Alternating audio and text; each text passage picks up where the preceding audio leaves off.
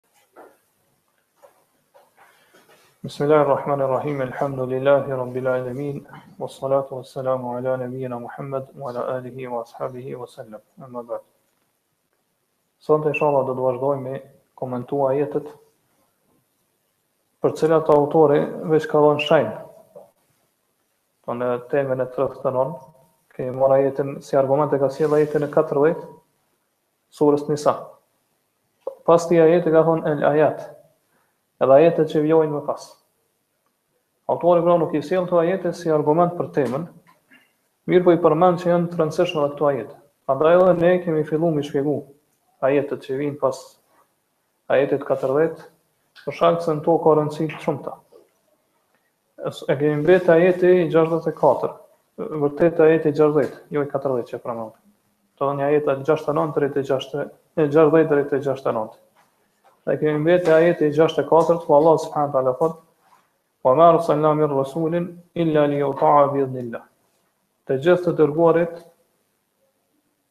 I kemi nisur vetëm që njerëz t'ju binden atyre me lejen e Allahut. Ibn Kathir Allahu e mëshiroft thot: Innama furidat ta'atuhu ala man arsalahu ilayhim. Thot atyre të cilëve Allah subhanahu taala ju ka dërguar pejgamber, e kanë pas obligim ju bind atij pejgamberi.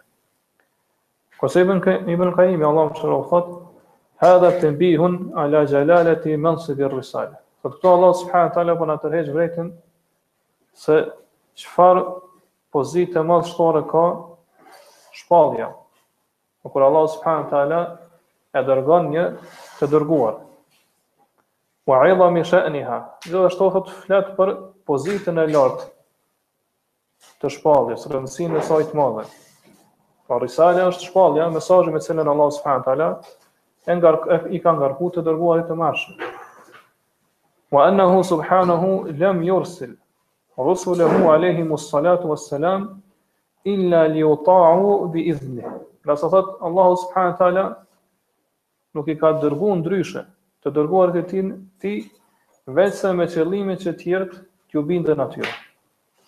Fetekunu ta'atu lehum la li ghayrihim. Prandaj thotë e gjithë bindja do të jetë vetëm ndaj të dërguarve, jo të me ju bind tjerëve prej njerëzve. Po gjithë bindja i takon vetëm pejgamberëve të dërguar të Allahut subhanahu wa taala, jo njerëzve të tjerë.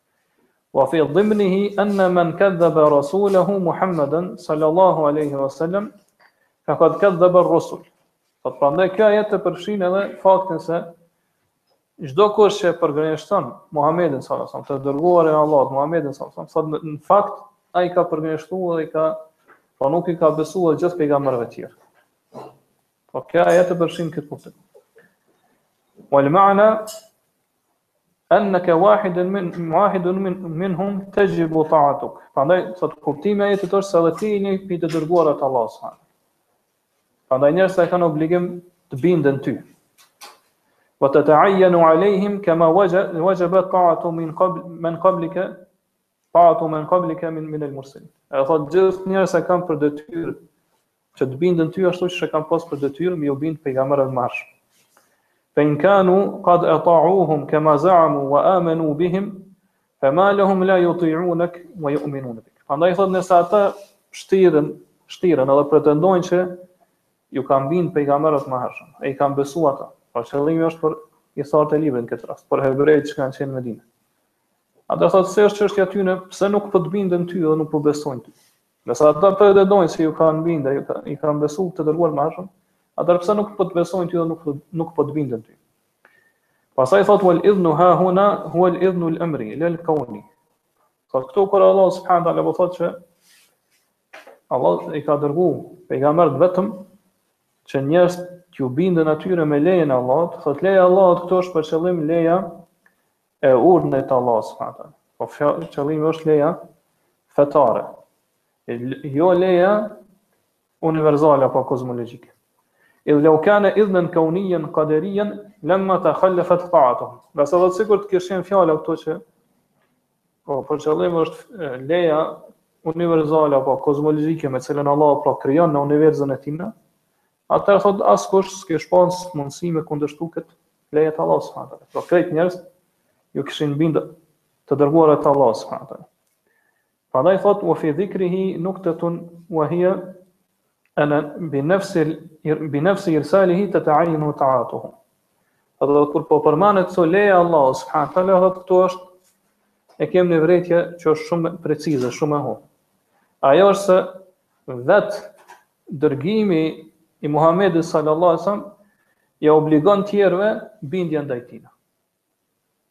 Wa irsaluhu nafsuhu idhnun fi ta'atihi.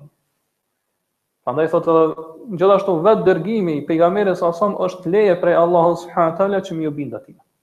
Po derisa Allah ka dërgu, atër Allah ka leju me ju bind atij madje dhe ka urnu këtë gjë. E ka vë obligim për njerëz.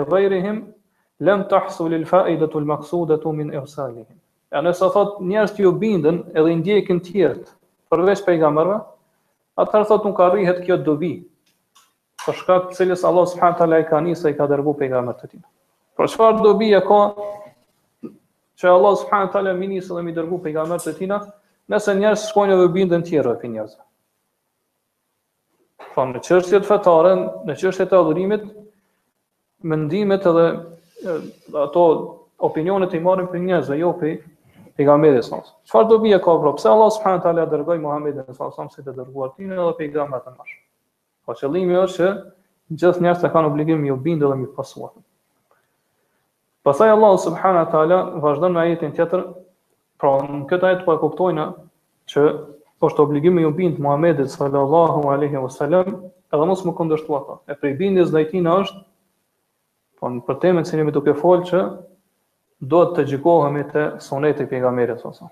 Po te Kurani dhe suneti i pejgamberit sallallahu alaihi wasallam. Kjo është prej bindjes ndaj Muhamedit sallallahu alaihi wasallam. Pastaj Allah e sqaron se këta njerëz të cilët kanë kundërshtu gjykimin të Allahut, të pejgamberit sallallahu alaihi wasallam. Sikur të ktheheshin te Allahu me pendim të sinqert, Allahu ja pranon pendimin.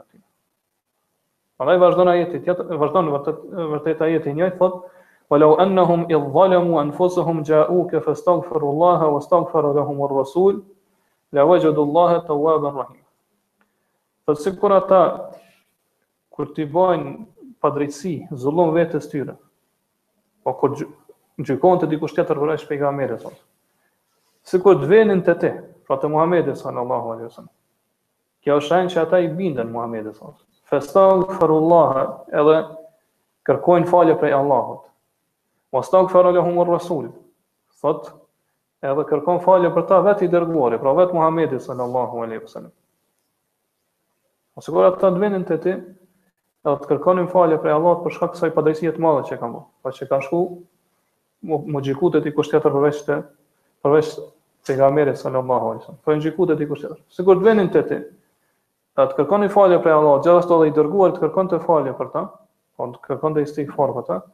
La wajadullahu tawwabur rahim. Ata do ta gjenin se vërtet Allahu është pranues i pendimit, edhe falës i madh i mëkateve ose mëshirues i plotë.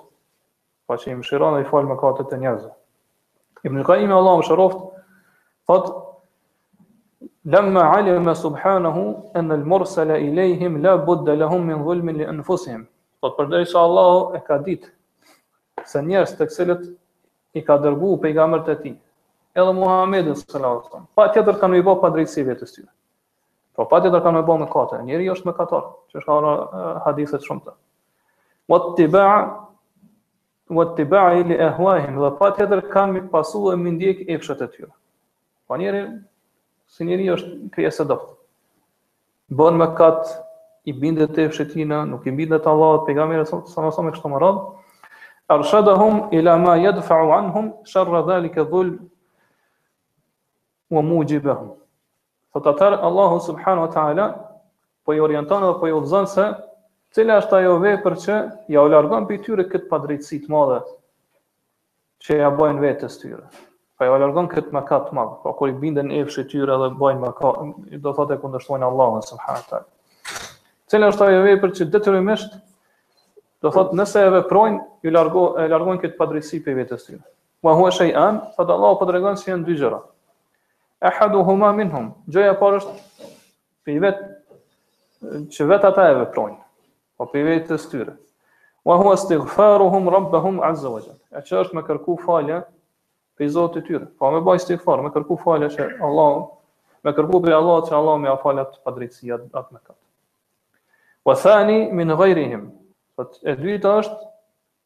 vepër prej dikujt tjetër. Wa huwa istighfaru r-rasuli lahum idha ja'u. E që është thotë kërkimi i faljes prej pejgamberit sa. Pra që Allahu me kërku falje për ta. Nëse ata shkojnë te pejgamberi sa. Wanqadu lahu wa nëse i binden pejgamberit sa. Edhe i dorëzohen atina. Wa atarafu bi dhulmihi dhe pranojnë padrejtësinë. E pranojnë mëkatin e tyre. Fa mata fa'alu dhalika wajadu Allaha tawwaban rahiman.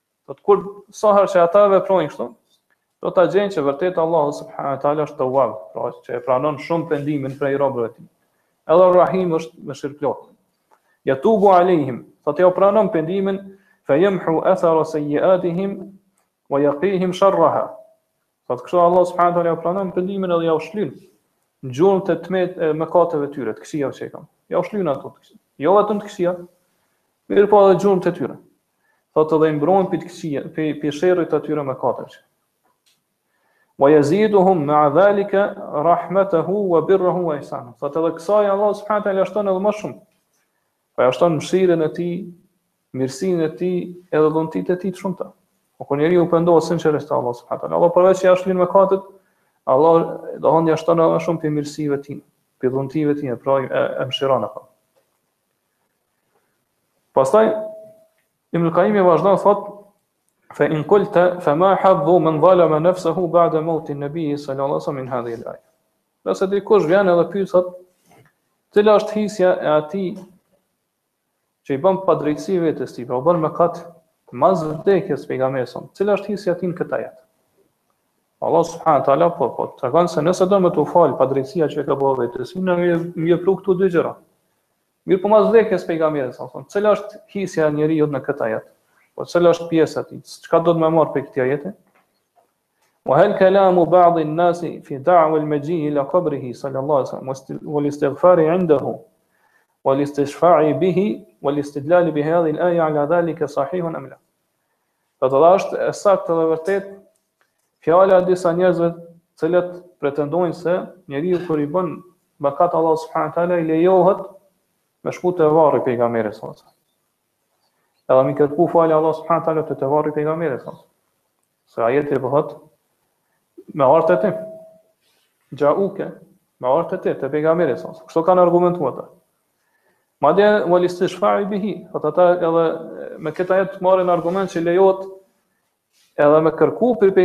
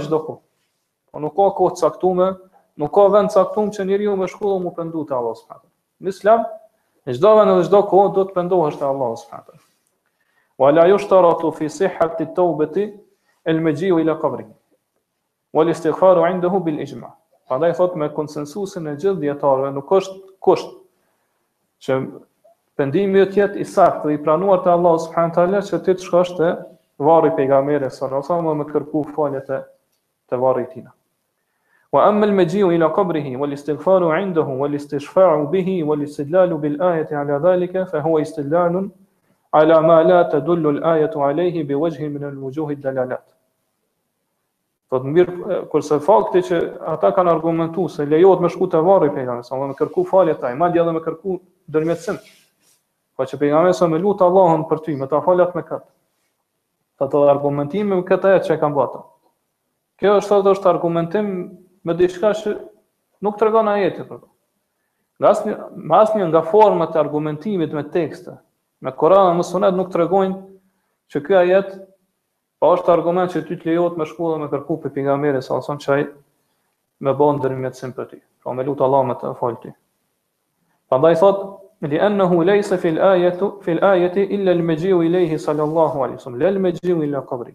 Ngase në ajet nuk përmendet, pra ajo si ajo siç e ka përmend ajeti është me shku te pejgamberi sa sa. Jo me shku te varri i tij. Pra në ajet nuk ka thonë me shku te varri i pejgamberit. Mirëpo me shku te te vet pejgamberi sa sa. Wa istighfaruhu lahum, edhe që ai me kërku falje për ta.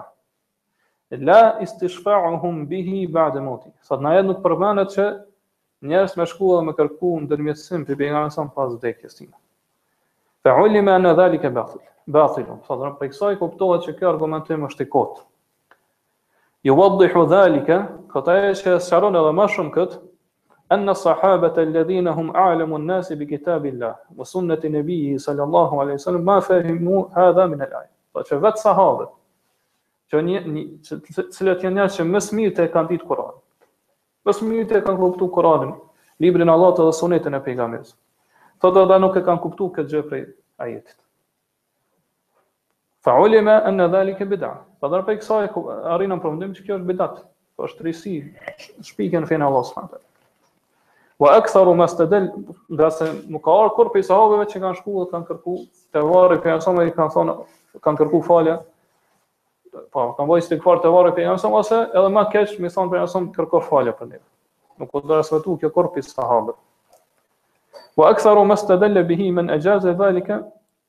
Rivajet ul Atabi an Arabin majhul.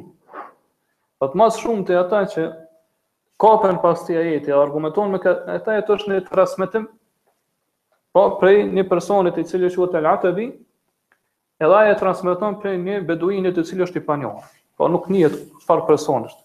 Po ngjarja është e njohur përmendet, do thonë në disa libra, që ky ky beduini ka ardhur, ka bë haxh. Edhe kur ka ardhur me vizitu xhaminë e Pejgamberit, ka shkuar te varri tina i ka thonë unë po lexoj në librin e Allahut këtë ajet. Edhe do thotë pe kuptoj që me ardh te ti edhe me kërku prej teje që me lutë Allahun me më falë mu.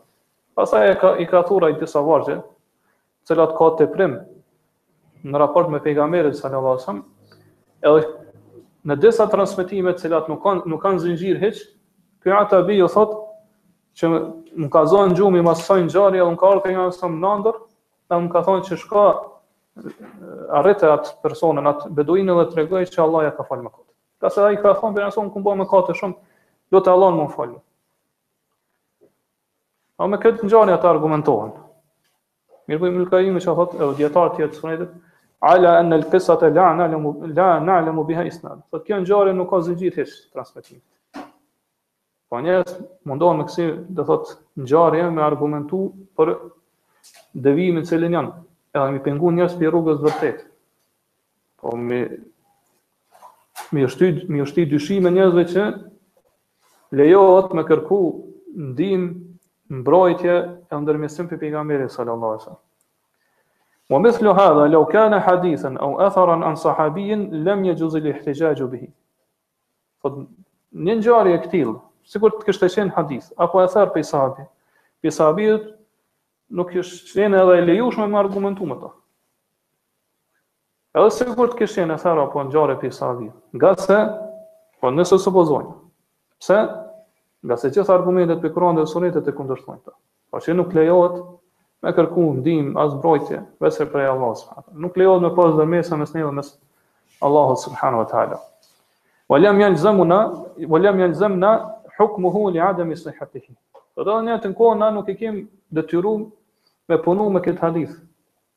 Për arsye se nuk është i saktë.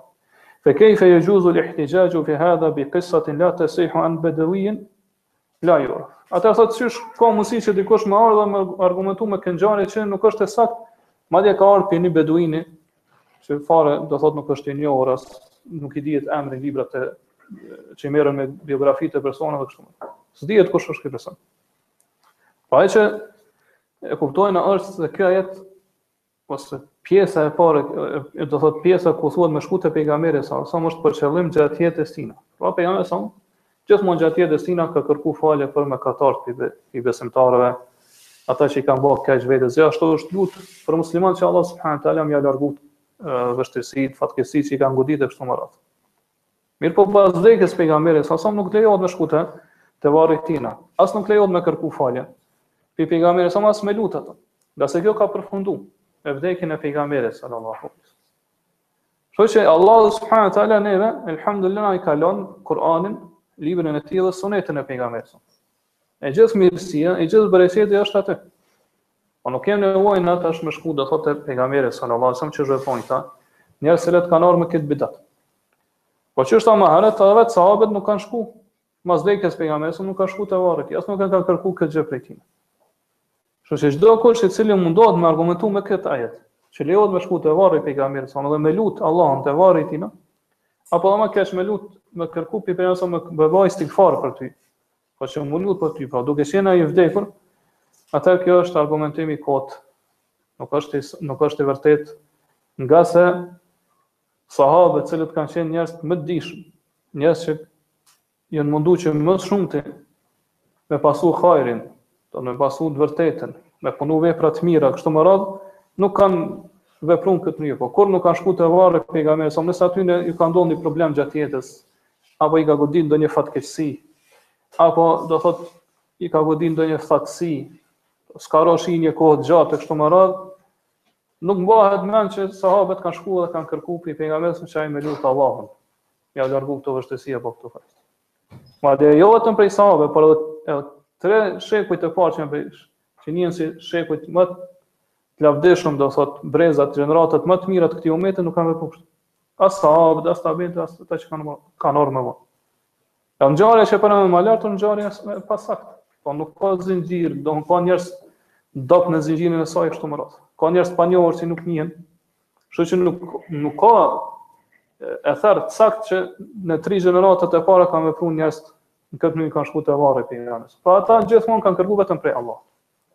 Nëse mesin e tyre ka pasur një person që ka qenë i devotshëm, po besimtar i mirë, apo që ka qenë i afërt me pejgamberin sa sa prej familjarëve tina, atëherë kanë kërkuar prej tina me lut Allahun subhanahu wa teala. Po duke qenë gjallë. Që ai me lutë Allahun subhanahu wa taala, siç ka vepru Umeri, radi Allahu anhu, me Abbasin. Po, në një rast, kur, do thot nuk ka ra shi një kohë gjatë Medinë, ata kanë lutë Allahun subhanahu wa taala, do thot njihet duaja, po namazi i istiskas, ku kërkohet prej Allahut subhanahu wa taala, që me lëshu shiun. Umeri, radi Allahu anhu, ka thonë, Allahume inna,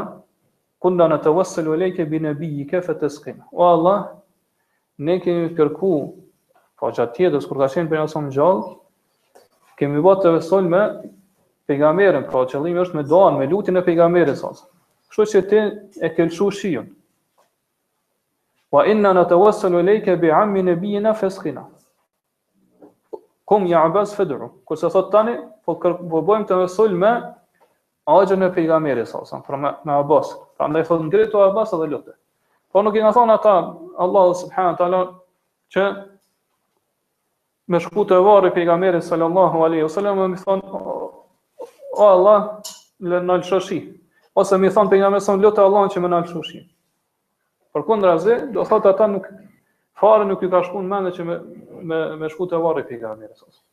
Ngase e kanë ditë që kjo nuk iu bën dobi. Edhe nuk është e lejushme. Edhe pejgamberi sa nuk ka mundësi që të lutet për ta pas vdekjes tij. Mirëpo çka? E kanë lënë pejgamberin sa kanë shku te Abbasi, te axha i tij, i cili ka qenë prezent dhe ka qenë gjallë. Edhe pse pejgamberi sa ka qenë në mesin e tyre pra i vdekur i varrosur në Medine. Ngase i gjalli ka mundësi mu lut, i gjalli ka mundësi të kërkojë falje për ty, kurse i vdekuri nuk është kjo në mundësinë e tij. Kështu që kushdo i cili nuk bën dallim mes gjallit të vdekurit, që thotë shejh Fozani, Allahu e rujt, ai ka do thotë e ka zemrën e vdekur. Po ende do thotë në zemrën e tij nuk ka tauhid. Shkon pasaj te, te sahabët tjerë, te Muavija radiallahu anhu, Muavija ibn Abi Sufjan, Radiallahu anhu. Edhe në kohën e tina ka ndodhë që shiu nuk ka rënë një kohë gjatë. Kështu ka dalë me, me falë namazin e istiskasë. Edhe ka kërku prej Ebu Jezid el Xhureshi. Që ka qenë prej tabiinëve, mirëpo ka qenë i devotshëm, njeri besimtar i mirë. Ka kërku prej tij që me lutë Allahun, subhanu wa ta'ala. Edhe e ka lutë Allahun, subhanu wa ta'ala, Allahu ka lëshu shi. Kështu përmendet në librat e sirës. Po ashtu kanë vepru sahabët, që kanë qenë njerëz më të dijshëm të umetit, do thotë njerëz që më së miri e kanë kuptuar fenë e Allahut subhanahu wa taala, që kanë pas fikh. Nuk ka nuk ka ndodhur prej tyre që me shku te varri i pejgamberit sallallahu alaihi wasallam. Edhe me kërku prej tij që ai mu lut për ta ose me lut Allahun që me ia lëshu shi ose me ia fal mëkatet e kështu. Ajo që më shumti kanë vepru sahabët është që kur kanë shkuar në një udhëtim të largët dhe janë kthy në Medinë, Kanë shku te varri pejgamberit sa sa dhe i kanë dhënë selam. Pra e kanë vizitu varrin e tina, edhe i kanë dhënë selam, pasaj janë largu. S'kanë vepru diçka më shumë. Po nuk, nuk transmetohet për asnjë prej sahabëve që kanë shku te varri pejgamberit sa sa dhe kanë kërku prej tina ndërmjetësim, apo që ai me, me baj istigfar për ta kështu me radhë, ngase kjo nuk lejohet është prej rrugëve që çojnë në shirk të madh. Po na qëllimisht po i përmenim këto ethera pi sahabeve ngase ka pi njerëzve që sot me këto ethera ose me fjalën e fukahave që përmenden në librat e tyne që me bë tevesul me njerëz të devotshëm është e lejuar. Edhe ai fillon i interpreton ato pastaj sipas vetes tina. Po se qëllimi me bë tevesul me njerëz të devotshëm është pas vdekjes së tyre. Me shku te varret e tyre, me thonë lutni Allahun për neve. E kjo është prej shirkut. Fukahaja kur e kanë përmen, me ba tevesul, me njerëz të devotshëm, po është e lejushme me ixhmanë, konsensusin e dijetarëve është për qëllim me duanë e tyne. Ngase ata si shembull përmendin rastin e Omerit edhe rastin e Muavijes, Muavijes që përmenëm tash. Po, kur dalë që ju një kohë, kështu me radhë, me i thonë dikujt prej njerëzve të devotshëm ngritu edhe lute Allahun subhanahu taala që me lëshu shi. Po nuk ka argument aty me shku te i vdekuri e me thonë lute Allahun subhanahu.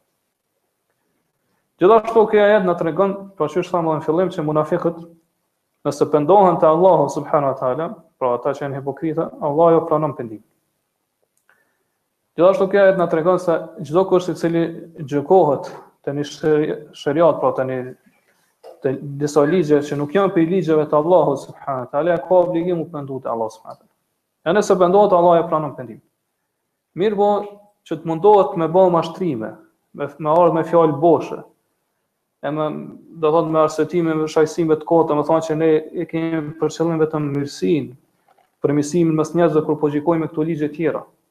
Na nuk e kemi për qëllim me kundërshtu Kur'anin apo Sunetin e pejgamberit, se kjo nuk pranohet. Po këto shfajësime, këto arsyetime nuk pranohen kurrsesi. Pra nuk pranohet prej njeriut që me sjell, do thot me i zbukuru, do thot me sjell si fjalë të zbukuruar, do thot arsyetime, shfajësime për mesela do thot absurditete në njëfarë mënyre për mesela mundohet me arsyetu veprën e tij. Kjo nuk pranohet vetëm atëherë kur ai pendohet sinqerisht te Allahu subhanahu wa taala dhe lën këtë padrejësi të madhe. Po gjykimi me ligje të tjera, jo me ligjet e Allahut subhanahu wa taala. Shumë prej njerëzve që sot gjykojnë me ligje që nuk janë prej ligjeve të Allahut subhanahu wa taala. Prej atyre që e pretendojnë islamin është fjala, sjellin kësi arsyetime, kësi shfajsime të kota. Prandaj ne u themi, nëse ju në vërtet e doni hakun, në vërtet e doni të vërtetën, atër, largoni prej asaj që po e veproni, kthehuni të vërtetës, kthehuni te Allahu subhanahu taala, pendohuni te ai. Ngase Allahu subhanahu taala ju ka është, Shfaq juve pendimin ashtu siç e ka shfaqë atyne ma herët. Po çu e bën këtë atëherë? Kthehuni te Allah, kërkoni falje te Allah subhanahu taala. Largoni këto ligje që janë në kundërshtim me ligjet e Allahut subhanahu taala nëse jeni të vërtetë dhe të sinqert në atë çka po thoni. Pra nëse pendoheni te Allah, Allah jua pranon pendimin juve. Mirë, mirëpo me vazhdu njeriu në mëkat. Kurse në anën tjetër me shfaq që ai ndihet keq se është do të thotë po pendohet te Allahu subhanahu wa taala dhe po kërkon falje, kurse në anën tjetër po vazhdon mëkat, atëherë kjo është ai është duke u mashtruar veten e tij. Ai është duke u munduar me mashtruar të tjerët. Pra Allahun subhanahu wa taala nuk ka mundësi me mashtruar. Ngase na dimë që prej kushteve të pendimit është që njeriu mu largu prej mëkatit në cilën është duke vepruar. Mu largu plotësisht. Edhe pastaj me vendos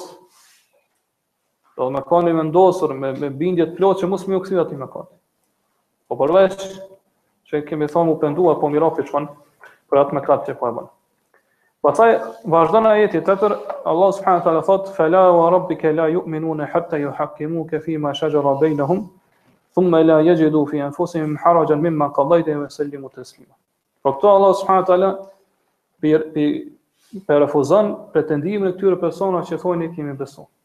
Çka thotë jo pasha Zotin tënd. Ata nuk kanë besu derisa ty të marrin gjykatës për kundërshtitë që ndodhin mes tyre.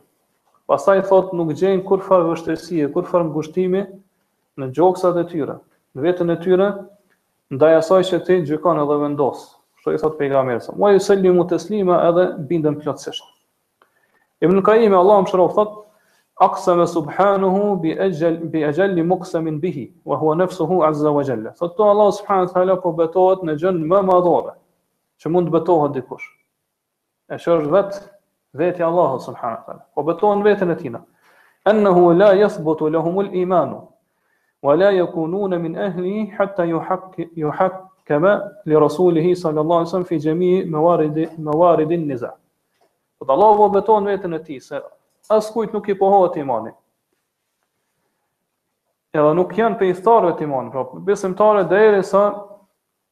Në kundërshtitë, mosmarrveshjet mes tyre të marrin për gjykatës Pejgamberin sallallahu alejhi ve sellem.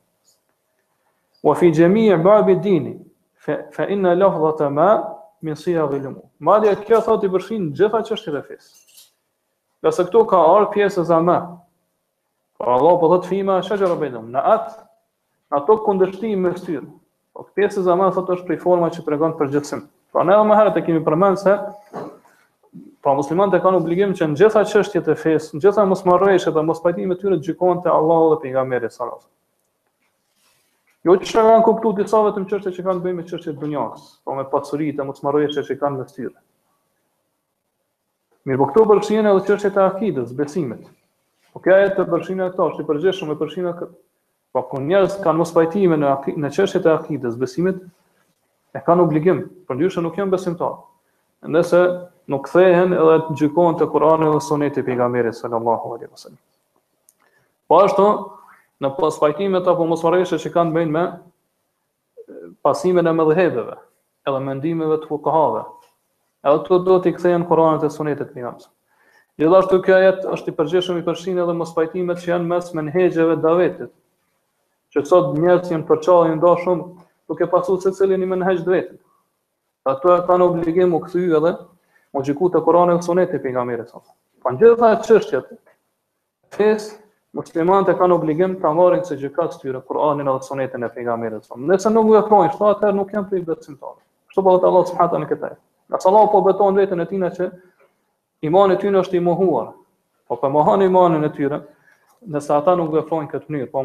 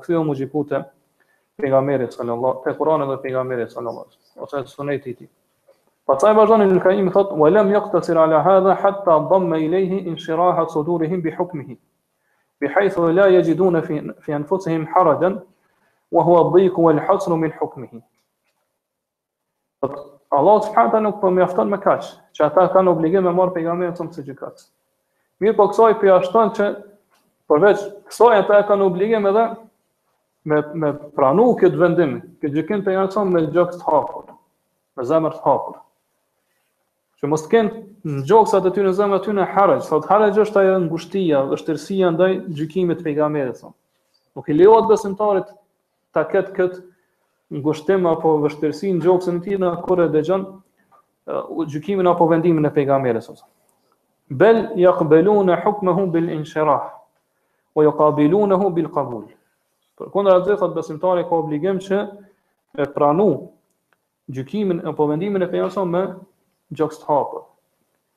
Edhe me vepru në raport me to me pranim të plot, pra me pranu plotësisht.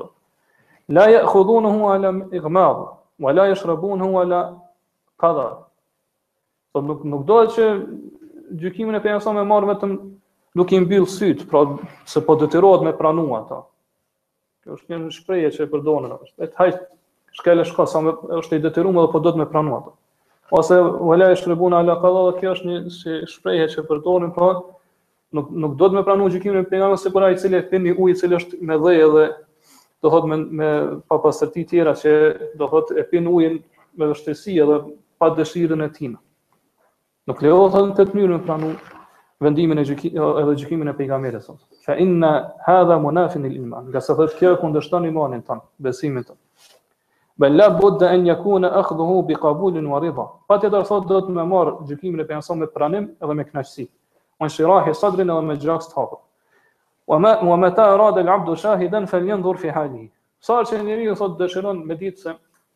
me marrë një dëshmitar me di se si është gjendja tina, ai thot, e ka si dëshmitar vetveten e tina, le t'i kthehet gjendjes tij dhe të shikon. Wa jutali, wa jutaliu kalbehu inde wurudi hukmihi, ala khilafi hewah, wa garadhihi. Thot edhe të shikoj gjendjen e zemrës tina. Kur vjen një gjykim apo vendim i pejgamberit sa që kundërshton epshin dhe dëshirën e tina.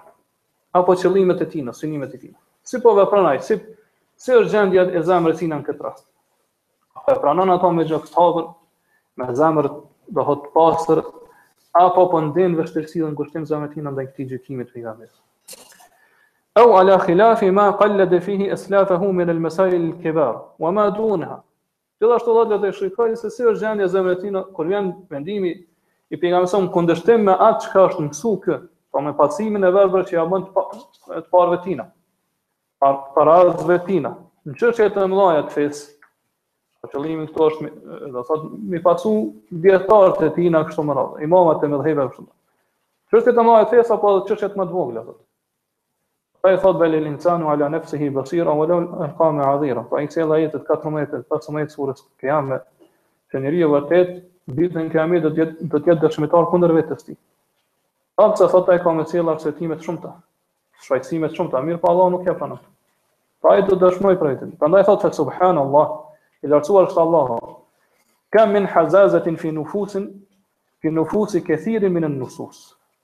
Fi nufusi kathirin min an-nusus. Thot sa e gjem, sa shumë gjem që në shpirtrat edhe në zemrat e disave ka ndjen dhimbje, edhe mllef ndaj disa prej teksteve të Kur'anit, do thot Kur'anit dhe Sunetit të pejgamberit. Nuk i pranojnë ato me gjoks të hapur. Ti po përkundrazi kanë mllef ndaj tyre. Wa bi wuddihim an law lam tarid.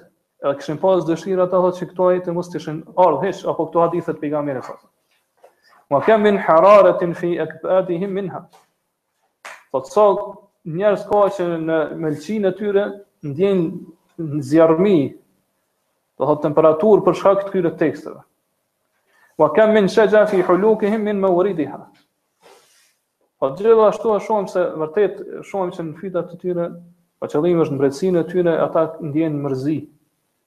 Pse ka në arë këto ajete, ose këto tekste, ose këto adisat për i ka mjesë? E kanë, nuk, nuk, nuk i dojnë këto. Nga se e kundështon efshën e tina, dëshirën e tina, apo shekhun e tina që e pasën. Kish pas zëcirë, si kur mos të kishë në egzistu këto ajete, apo këto adisat për i ka mjesë.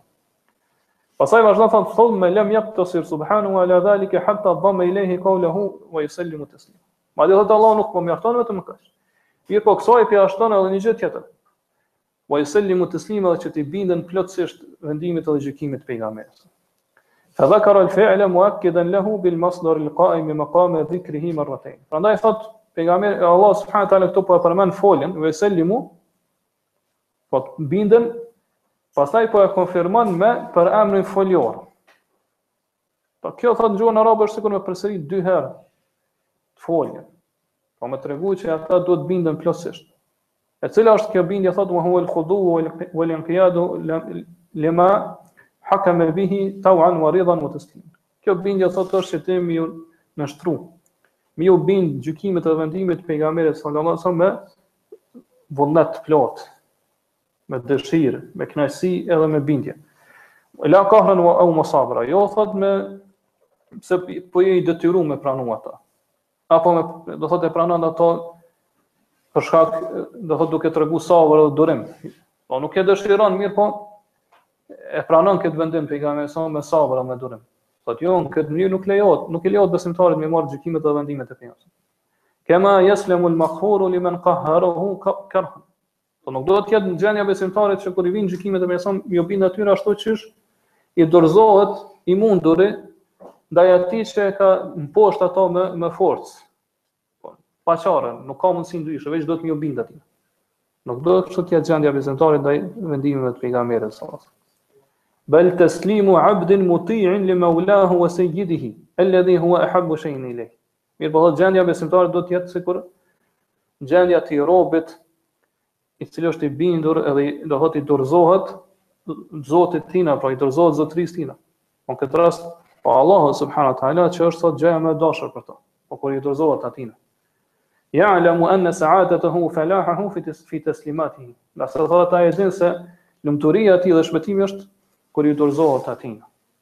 Po Allahu subhanahu teala në këtë rast dhe pejgamberit sallallahu alaihi wasallam. Po këto Allahu po i përmend këto tri çështje.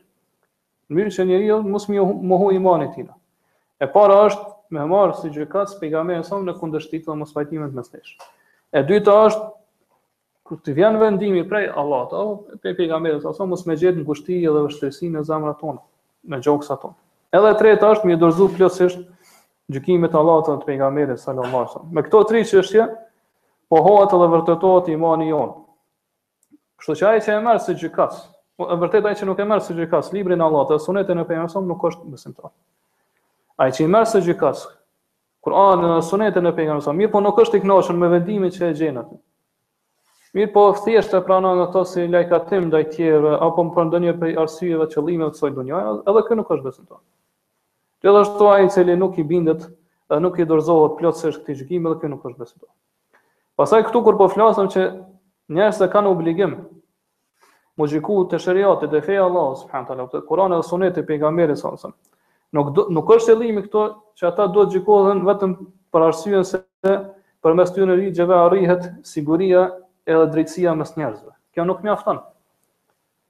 Patjetër duhet që gjykimi me ligjet e Allahut subhanahu wa taala të jetë si adhurim ndaj Allahut subhanahu wa taala. Po si bindje ndaj Allahut subhanahu wa taala. Ngase ka prej njerëzve që sot për shembull gjykojnë me sheriat, po me ligjet e Allahut subhanahu wa taala për shkak të mirësive dhe interesave të shumta që përfshin këto ligje. Po drejtësisë që vendos për, përmes tyre në mesin e njerëzve, sigurinë që e sjellin ato kështu me radhë. Kjo nuk tregon se për imanin e personit. Pa do, patjetër dohet që të gjykuarit me ligjet e Allahut, pra me shariatin e Allahut subhanahu teala, të borojë nga imani i personit. Po ta ta ta veproj këtë se adhurim ndaj Allahut subhanahu teala dhe si bindje ndaj tij. Kjo është prej tauhidit. Kjo është tauhid. Ndërsa ai që do thot këtë shariat e pranon vetëm për shkak dobive shumta që i përfshin ai në në çështjet e njerëzve në këtë dunjë apo drejtësisë që arrihet përmes saj, Atëherë themi që kjo nuk mjafton.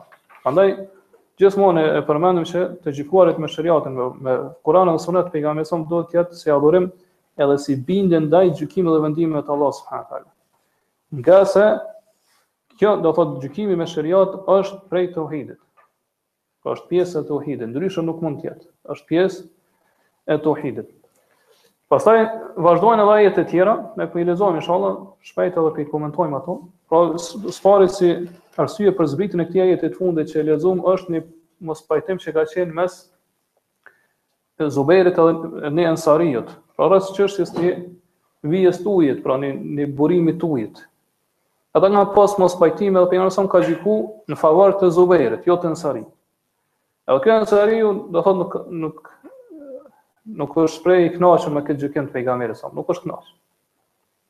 Po kjo ka qenë arsyeja pse ka zbritur Allahu subhanahu wa taala këtë ajet.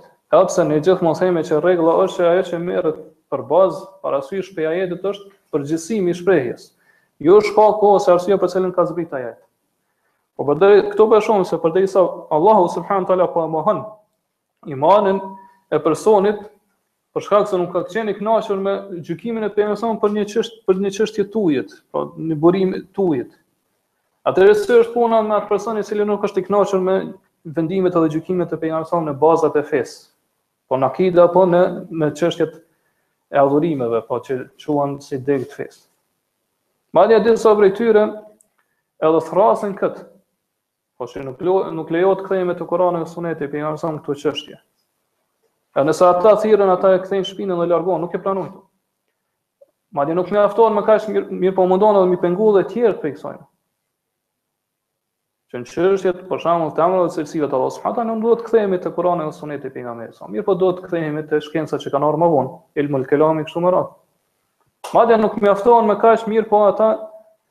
Personin i cili mundohet me pasë pejgamberin sa sa me marr si gjykas në çështjet e bazat e fesë. Po në akide edhe edhe në degë të fesë, ose e bëjnë tekfir, e shpallin si jobesimtar ose e bëjnë tebdi, e shpallin si bidaxhi. Po personi i cili mundohet të jetë i kënaqur me gjykimin e pejgamberit sa sa, nuk kërkon ndrysh, do thot gjykim tjetër për këtë. Ata ose e shpallin e bëjnë kafir, ose e bëjnë bidaxhi.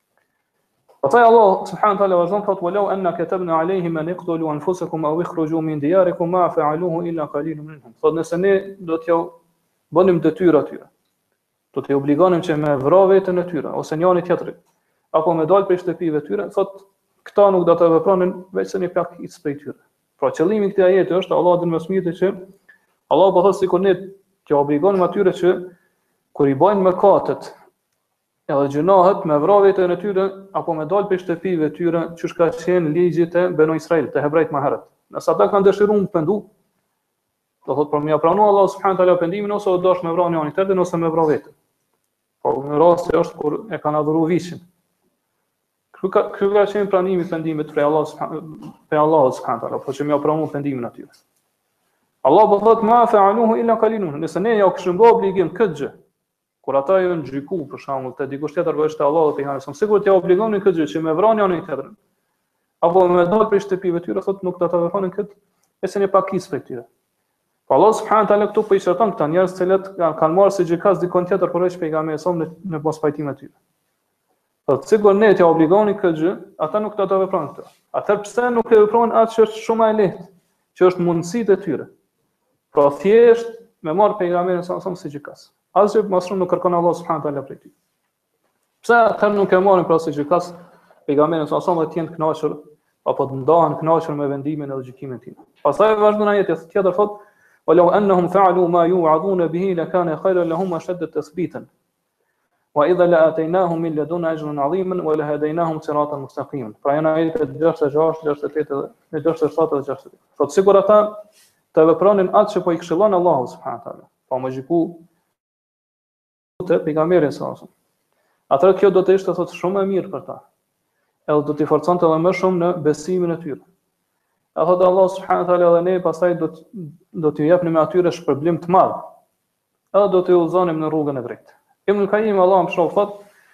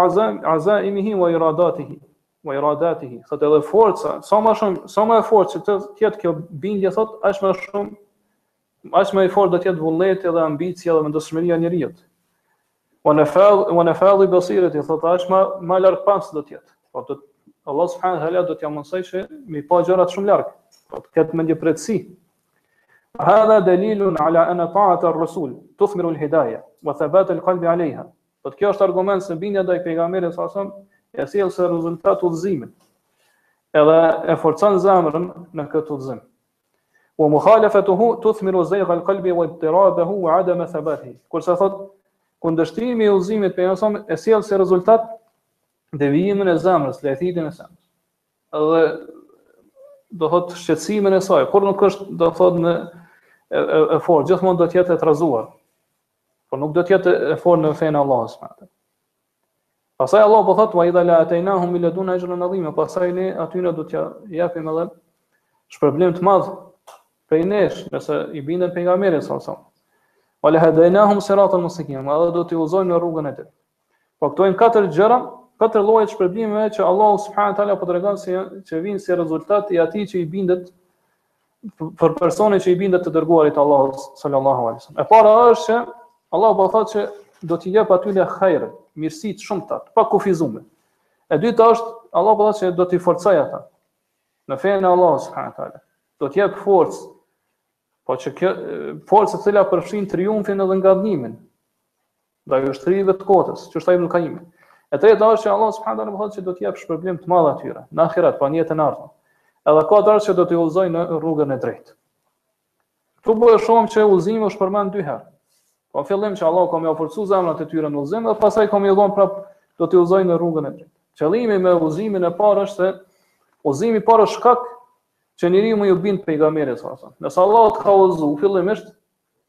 A të ka dhënë sukses, qysh e morëm në fillim të dersit? Të ka inspiru me iu bind pejgamberit, do të thotë, të ka inspiru në këtë rrugë të drejtë, atëherë ti ke me iu bind pejgamberit, sa sa.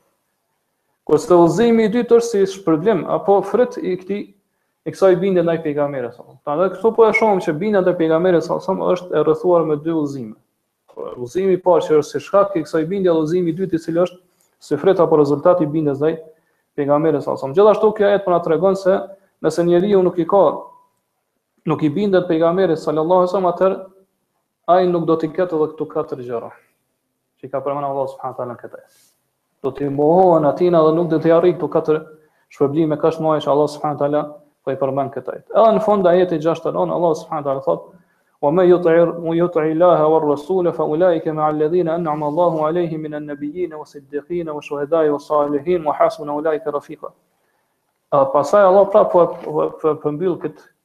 Këto ajete që flasin, që po flasin në këtë kontekst, për bindjen ndaj Allahut edhe pejgamberit sa sa thotë ai që i bindet Allahut. Edhe të dërguarit këta do të jenë pra në ahiret në jetën e ardhme me ata të cilët Allah subhanahu taala i ka begatuar. Pra i ka i ka begatu me mirësitë e tina.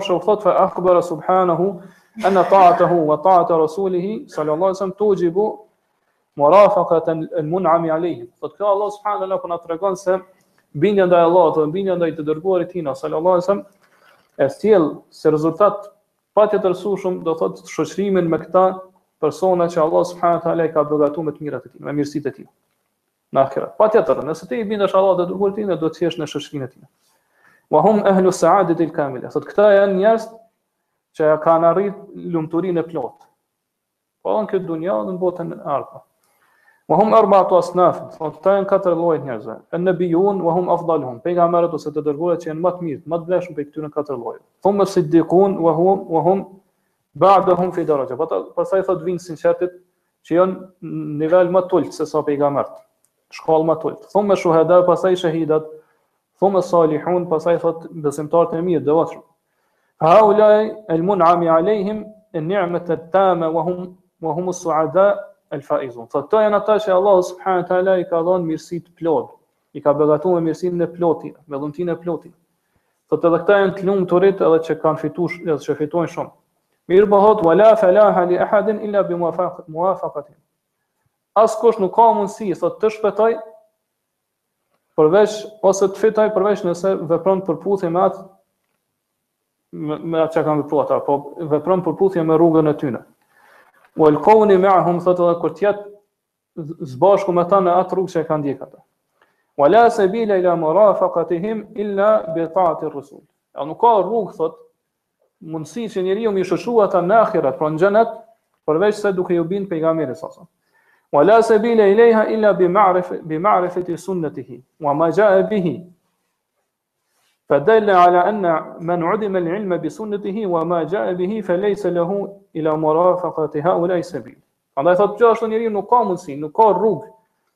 përmes së cilës e di se si me iu bind pejgamberit pejgamberit sa vetëm atëherë kur e mëson edhe e njeh sunetin e pejgamberit sa sa.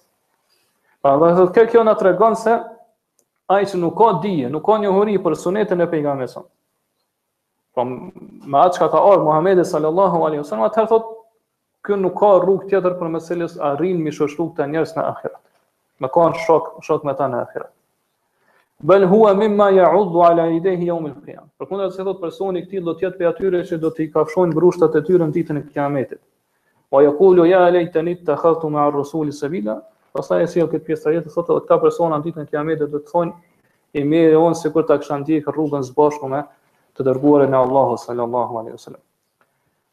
Po këto po e shohim se çdo kush i cili nuk e merr si gjykatës pejgamberin sallallahu alaihi wasallam në çështjet e të mospajtimit kundërshtit mes njerëzve me mes tyre që janë